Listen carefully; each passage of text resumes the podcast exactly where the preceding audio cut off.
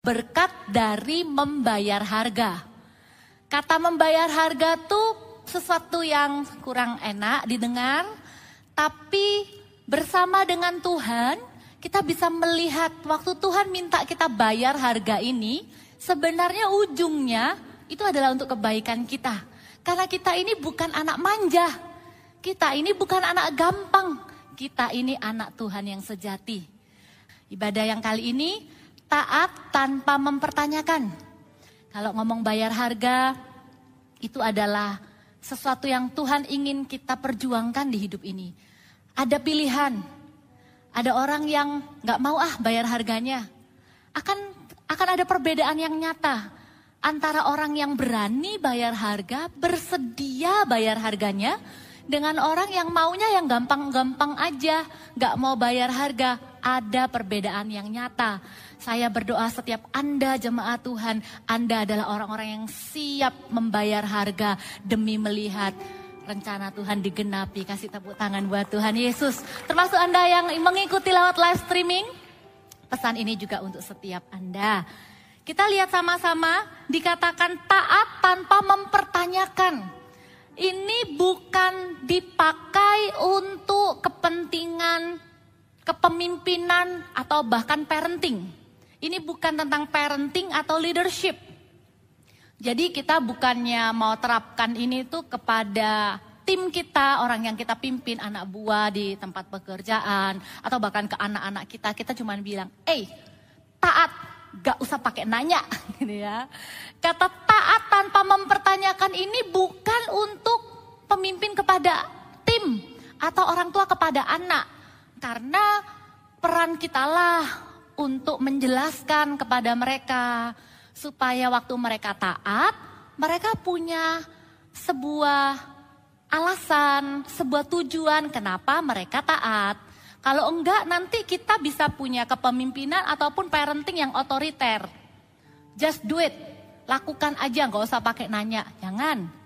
Kalau untuk yang itu, kita harus investasikan waktu untuk menjelaskan why, bukan cuman what gitu ya. Kamu harus do this, this, this, this, this, to do listnya gitu ya. Tapi kita perlu jelaskan, rajin-rajin komunikasikan kenapa, kenapa kok perlu dilakukan. Itu kalau tentang kepemimpinan dan tentang parenting. Tapi yang dimaksud taat tanpa mempertanyakan ini apa? Saya sampaikan dua poin sederhana di mana kita perlu menerapkan sifat, sikap, respon hati taat tanpa mempertanyakan. Yang pertama itu adalah ketika kita menerima agenda Tuhan. Ketika kita sedang berurusan dengan pekerjaan Tuhan, isi hati Tuhan, rencana Tuhan.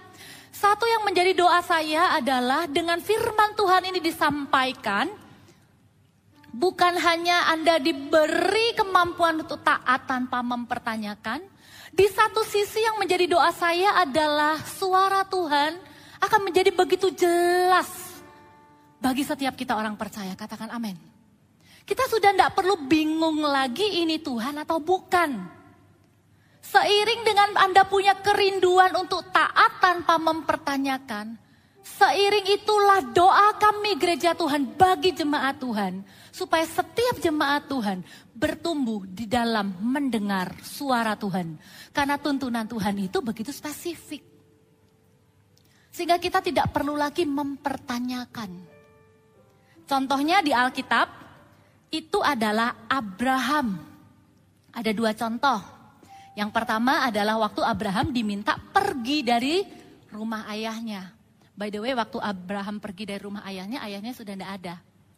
Jadi disuruh pindah, pergi keluar dari keluarganya, pergi ke tempat yang Tuhan akan tunjukkan. Abraham kenal Tuhan. Abraham tahu siapa Allah yang dia sembah, siapa Allah yang menyuruhnya untuk pergi. Sehingga Abraham tidak pakai nanya, nanti nasibku gimana? Nanti aku bisa berhasil enggak? Abraham tahu yang suruh adalah Tuhan, maka dia berangkat. Kemudian ketaatan yang kedua yang ditunjukkan oleh Abraham ketika dia tidak mempertanyakan agenda Tuhan dalam hidup dia adalah ketika Tuhan berfirman. Kita baca aja yang ini ya. Kejadian 22 ayat yang pertama dan 2 sampai 3 bagian A. Setelah semuanya itu Allah mencoba Abraham. Tuhan punya agenda. Lalu sahutnya, oh sorry, ia berfirman kepadanya, Abraham. Lalu sahutnya, ya Tuhan, di sini kita tahu Abraham tuh kenal Tuhannya. Ayat 2, firmannya, ambillah anakmu yang tunggal itu, yang engkau kasih. Diingetin lagi, anakmu yang cuma satu itu, yang kamu sangat cinta itu loh. Yakni Ishak. Pergilah ke tanah Moria dan persembahkanlah dia di sana sebagai korban bakaran pada salah satu gunung yang akan kukatakan kepadamu. Perintahnya adalah perintah yang tidak mudah. Karena Tuhan bilang, ambil anakmu yang tunggal, yang kamu cintai itu loh. Persembahkan. Tapi lihat respon Abraham di ayat yang ketiga, keesokan harinya pagi-pagi bangunlah Abraham, kemudian melakukan persiapan-persiapan, kemudian berangkat. Tanpa menunda, tanpa berlama-lama, tanpa mempertanyakan. Tanpa berdoa lagi, yakin tak Tuhan, benar tak Tuhan. Kondisinya adalah pada saat Tuhan meminta Abraham itu mempersembahkan Isa, itu Tuhan baru saja menyetujui permintaan Sarah. Tuhan yang ngomong sama Abraham, dengerin istrimu, usir aja itu hambamu. Sama anaknya itu si Ismail. Walaupun berat rasanya, tapi karena Tuhan ngomong, dituruti, diusirlah anaknya yang dari Hagar. Pada saat itu, anak yang dia punya cuma Isa. Bahkan dia tidak bertanya, loh Tuhan, kapan hari baru Tuhan bilang supaya aku nurutin istriku untuk usir Ismail? Lah kalau ini Ishak aku persembahkan, siapa nanti yang akan jadi keturunanku? Bukannya Tuhan berjanji ini dan itu. Abraham tidak mempertanyakan. Saya sampai heran, segitu percayanya ya sama Tuhan segitu imannya ya sama Tuhan bahwa apa yang Tuhan suruh tidak akan pernah mendatangkan kecelakaan dalam kehidupan dia. Sebegitu rasa amannya sehingga dia tahu kapan harus taat tanpa mempertanyakan, kapan harus nego sama Tuhan. Tuhan, kalau misalnya ada 50, jangan dimusnahkan ya. Kalau misalnya ada 45, 40 ditawar sampai jago nawar ya, itu Abraham. Ditawar sampai sepuluh. Tuhan, kalau Tuhan temukan orang sepuluh orang benar, jangan musnahkan Sodom Gomora. Tuhan bilang, oke, okay, kalau ada sepuluh, tidak dimusnahkan. Abraham tahu kapan harus berdialog dan berdiskusi. Tapi kapan harus taat tanpa mempertanyakan. Amin. Saya tahu kita semua tidak apa ya, belum di level itu. Tapi ayo kita latih sama-sama. Ada kalanya ketika Tuhan tuh meminta kita melakukan sesuatu yang tidak mudah. Tapi kalau kita tahu itu adalah isi hati Tuhan, bagian kita untuk taat tanpa mempertanyakan itu perlu diperjuangkan dengan baik. Perlu effort. Jadi enggak nggak langsung menolak, nggak langsung bilang nggak bisa, sulit dan lain-lain, gitu ya. Dan kita tahu ya nggak jadi ya Tuhan bilang sudah jangan karena aku sudah tahu sekarang bahwa engkau takut akan Allah, engkau tidak segan-segan menyerahkan anakmu yang tunggal gitu ya. Dan Tuhan itu memberkati Abraham itu bukan cuma jadi berkat, tapi diberkati menjadi berkat Orang yang memberkati Abraham diberkati. Orang yang hidup dengan ketaatan di hadapan Tuhan, Tuhan itu berkenan. Tuhan itu jagai, Tuhan itu lindungi. Dan yang Tuhan itu inginkan adalah kita itu peka, cari tahu gitu ya. Misalnya kita tuh tahu ada satu perintah Tuhan. Nanti uh, Anda bisa terapkan dalam kehidupan Anda, tuntunan Tuhan itu apa? Tiba-tiba Anda didorong untuk melakukan sesuatu, kalau itu adalah agenda Tuhan, itu nggak ada hubungannya dengan Anda cuan apa enggak, tapi itu tujuannya untuk nolong orang itu. Kita tahu ujungnya itu untuk sesuatu yang bernilai kekal untuk orang itu. Ayo kita curiga, curiga yang baik jangan-jangan aku ini mau dilibatkan sama Tuhan dalam rencana Tuhan tuh orang itu. Langsung antenanya itu menyala.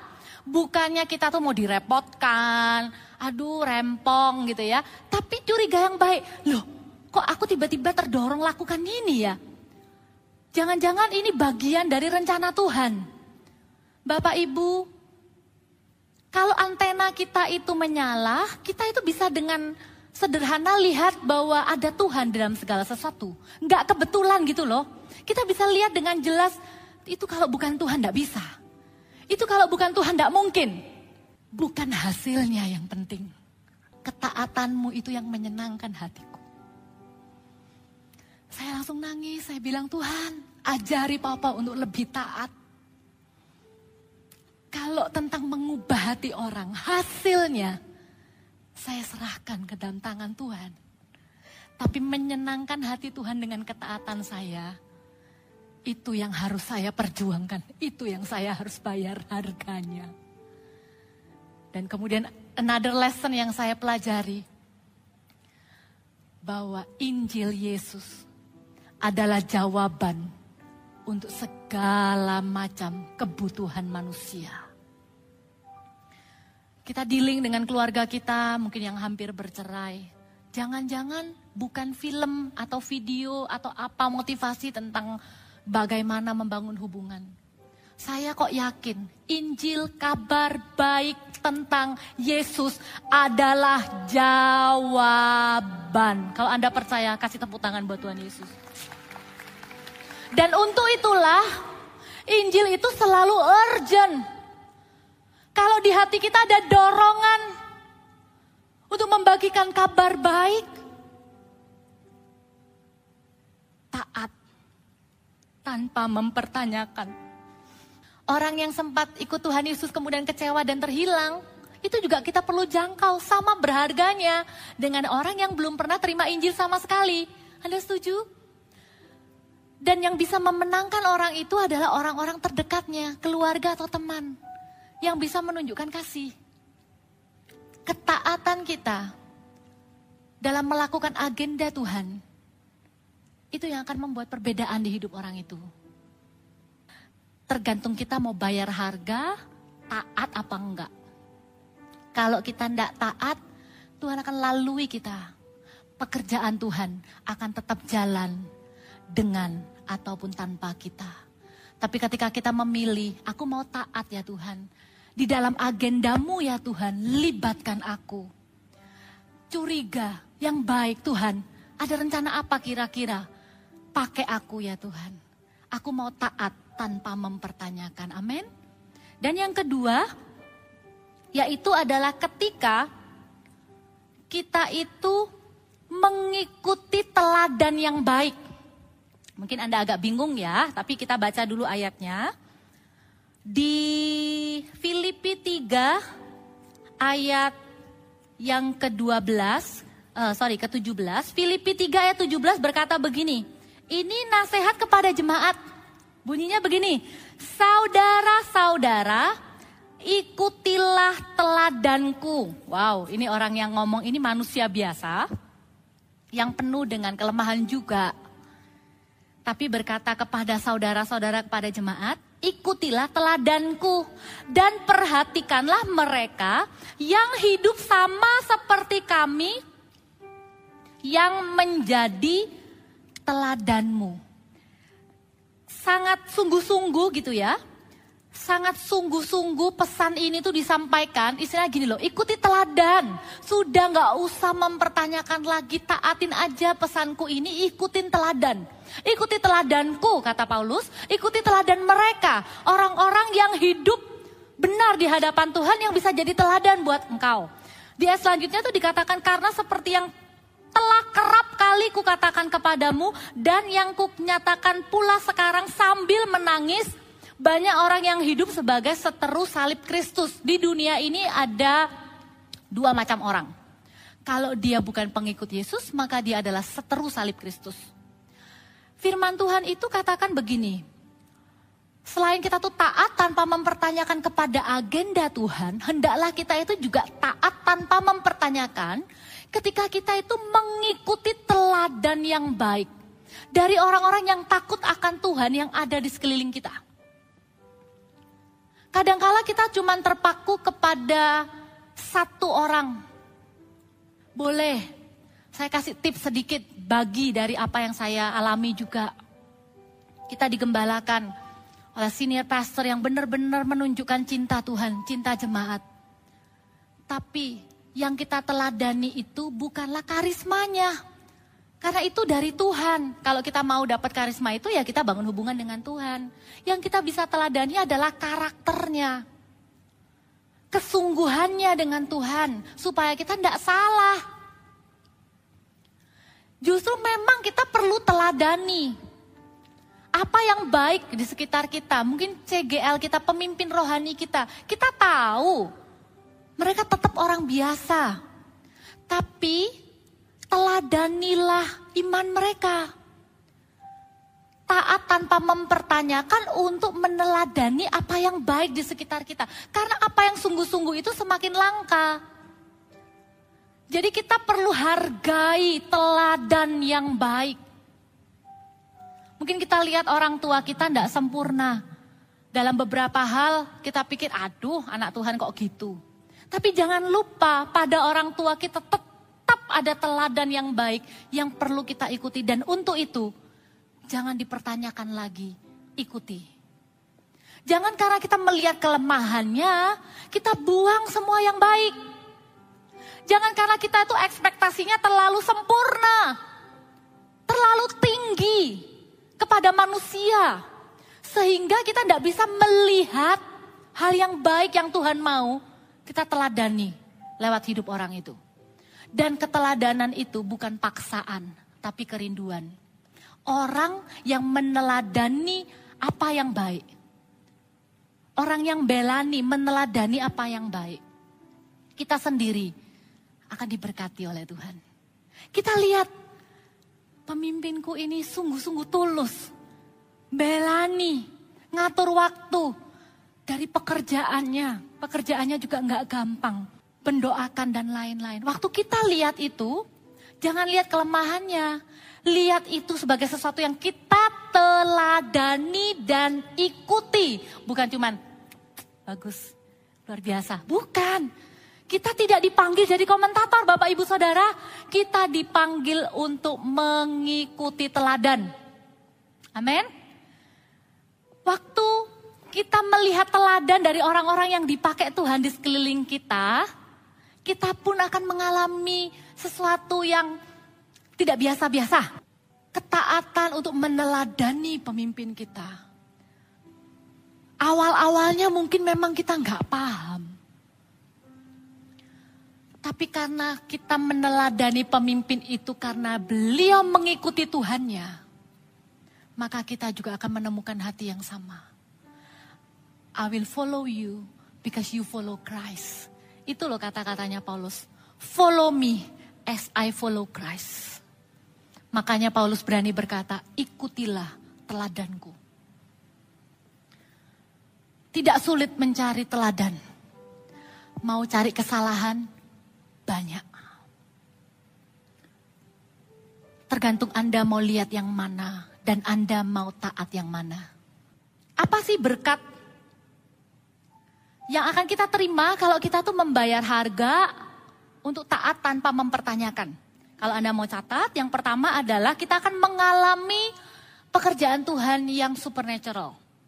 Ada satu contoh di perjanjian baru, itu ceritanya sudah nggak asing ya.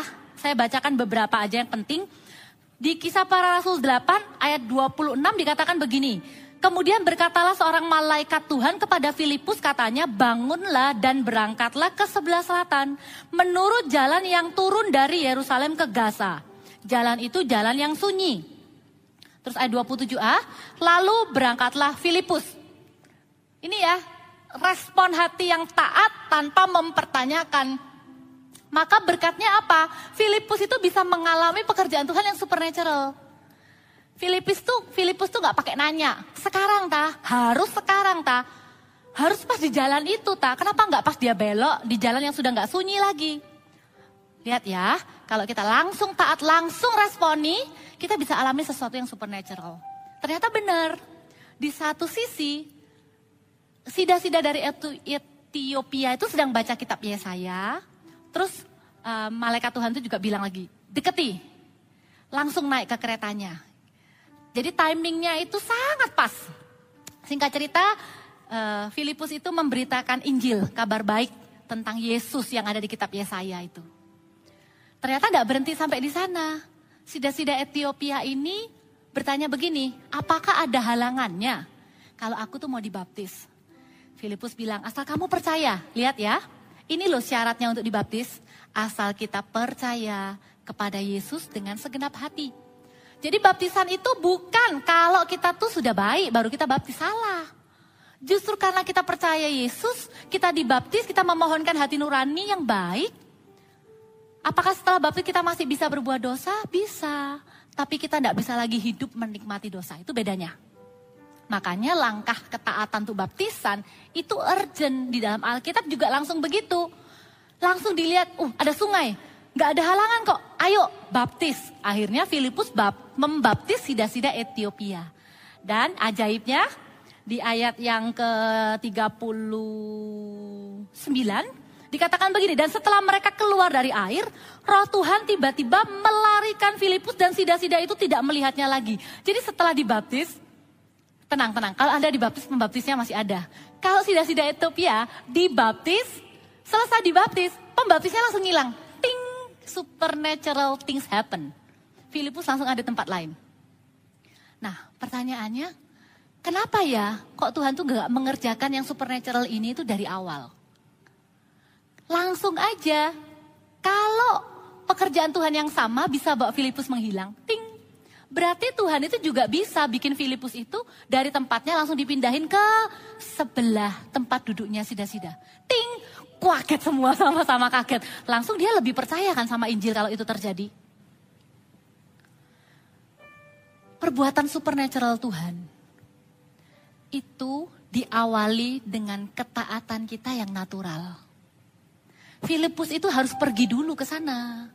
Ketemu dulu, menjelaskan dulu.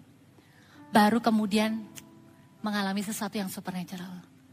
Anda rindu nggak sesuatu yang di luar kemampuan kita? Sesuatu yang merupakan terobosan, sesuatu yang merupakan mujizat dalam kehidupan kita. Itu terjadi. Challenge-nya gini, ada nggak di hidup ini yang Anda katakan, nggak mungkin ini terjadi kalau ini bukan Tuhan? Ada? Di area itulah Tuhan akan mengerjakan mujizatnya, mengubah hati orang membuka jalan, mengerjakan terobosan. Itu bagiannya Tuhan. Bagiannya kita adalah dengan natural, taat. Mungkin kita belum tahu step 2, 3, 4-nya apa. Kadang kala ya, apalagi kalau kita tuh orangnya sangat organized. Kita tuh pengen Tuhan itu jelasin. Kalau A berhasil berarti habis itu plan 2, habis itu step 3. Tuhan tuh enggak gitu. Tuhan itu cuman bilang pergi. Oke, satu perintah, taat. Setelah itu baru datang perintah kedua, dekati kereta itu. Jadi Tuhan itu nggak bilang begini di awal. Oke, gini ya, this is the deal. Kamu taat ya, pergi ke jalan itu. Nanti setelah itu kamu naik keretanya. Setelah itu kamu akan baptis dia. Setelah itu baru kamu tak angkat, tak hilangkan. Nggak gitu Tuhan itu. Ikut Tuhan itu perlu percaya. Tuhan itu nggak tertarik dengan hasilnya. Tuhan itu tertarik dengan perjalanannya bersama dengan kita. Langkah demi langkah. Maukah kita taat? Maka berkat pekerjaan Tuhan yang supernatural itu akan terjadi di hidup Anda. Di hidup kita. Saya rindu Anda mengalaminya. Saya rindu Anda mengalami sebuah kebenaran Yang ketika Anda mau taat aja dengan sederhana, terus Anda bilang, untung saya taat. Untung saya taat. Sesuatu yang supernatural terjadi. Amin. Amin. Dan yang kedua, apa yang menjadi berkat ketika kita mau bayar harga untuk taat itu? Yang kedua adalah ini. Tuhan akan memberkati kita dengan orang-orang yang juga akan taat. Abraham itu ketika Ishak sudah dewasa, saya juga salut sih sama Ishak ini ya. Ishak ini nggak cari istri itu dari kalangan orang tidak percaya.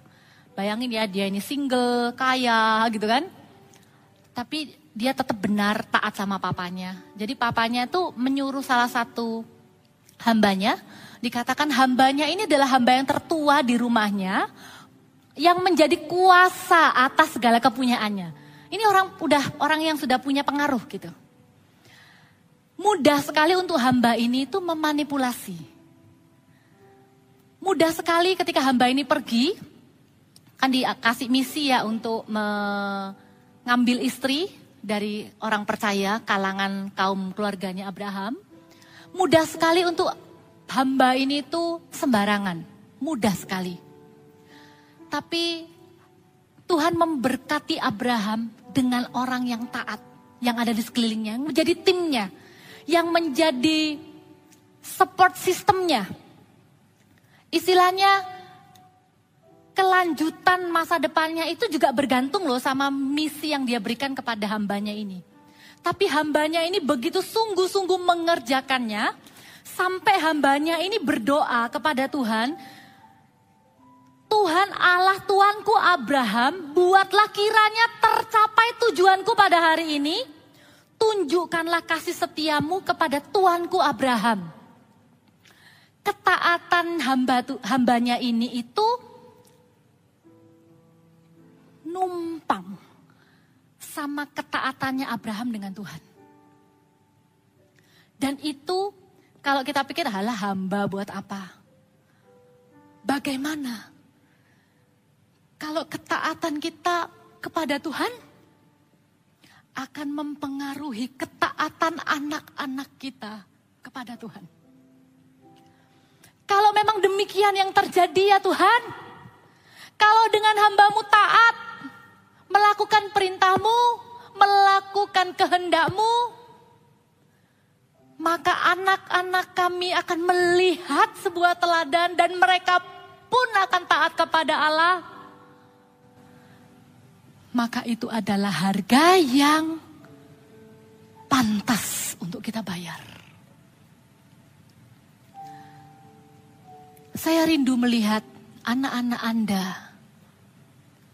anak saya, anak-anak yang bertumbuh, generasi yang ada di bawah kita, baik itu anak-anak muda maupun anak-anak kecil. Mereka juga punya absolute obedient to God mereka juga punya ketaatan yang absolut, yang mutlak kepada Tuhan. Karena mereka melihat papa dan mamanya taat kepada Tuhan. Amin. Generasi yang bukan pemberontak. Ketika kita ini melangkah dalam ketaatan, maka ada pengurapan yang kita bisa bawa pulang. Untuk kita praktekkan dalam kehidupan kita dan kita wariskan juga kepada anak cucu kita. Amin. Indah loh taat itu. Dan Tuhan itu memberikan kepada kita saudara seiman yang saling mendukung. Yang mengingatkan kita untuk taat. Kita bisa lihat teladan itu di sekeliling kita. Bukan cuma dari pemimpin tapi dari sesama saudara seiman. Dalam perjalanan ini indah ya. Tuhan tidak biarkan kita sendirian. Tuhan tuh kasih orang yang selalu mendukung kita. Itu hadiah yang terindah yang Tuhan berikan buat kita. Itu berkat terindah. Dukungan dari saudara seiman itu adalah salah satu hadiah terindah yang Tuhan berikan. Amin.